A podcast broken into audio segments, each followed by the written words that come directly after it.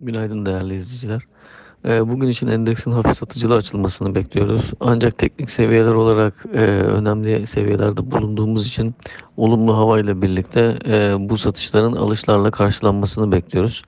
E, Burada öne çıkacak olan şirketler daha çok e, TL'nin değer kaybından e, ihracatçı şirketlerin e, diğerlerine göre daha iyi performans göstermesini bekliyoruz.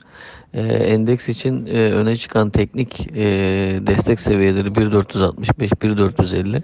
E, dirençler ise 1480, 1500 ve 1515 şeklinde sıralanıyor.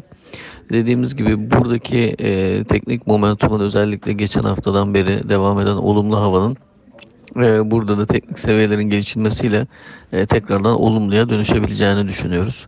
E, bugün e, logo e, finansallarını açıklayacak.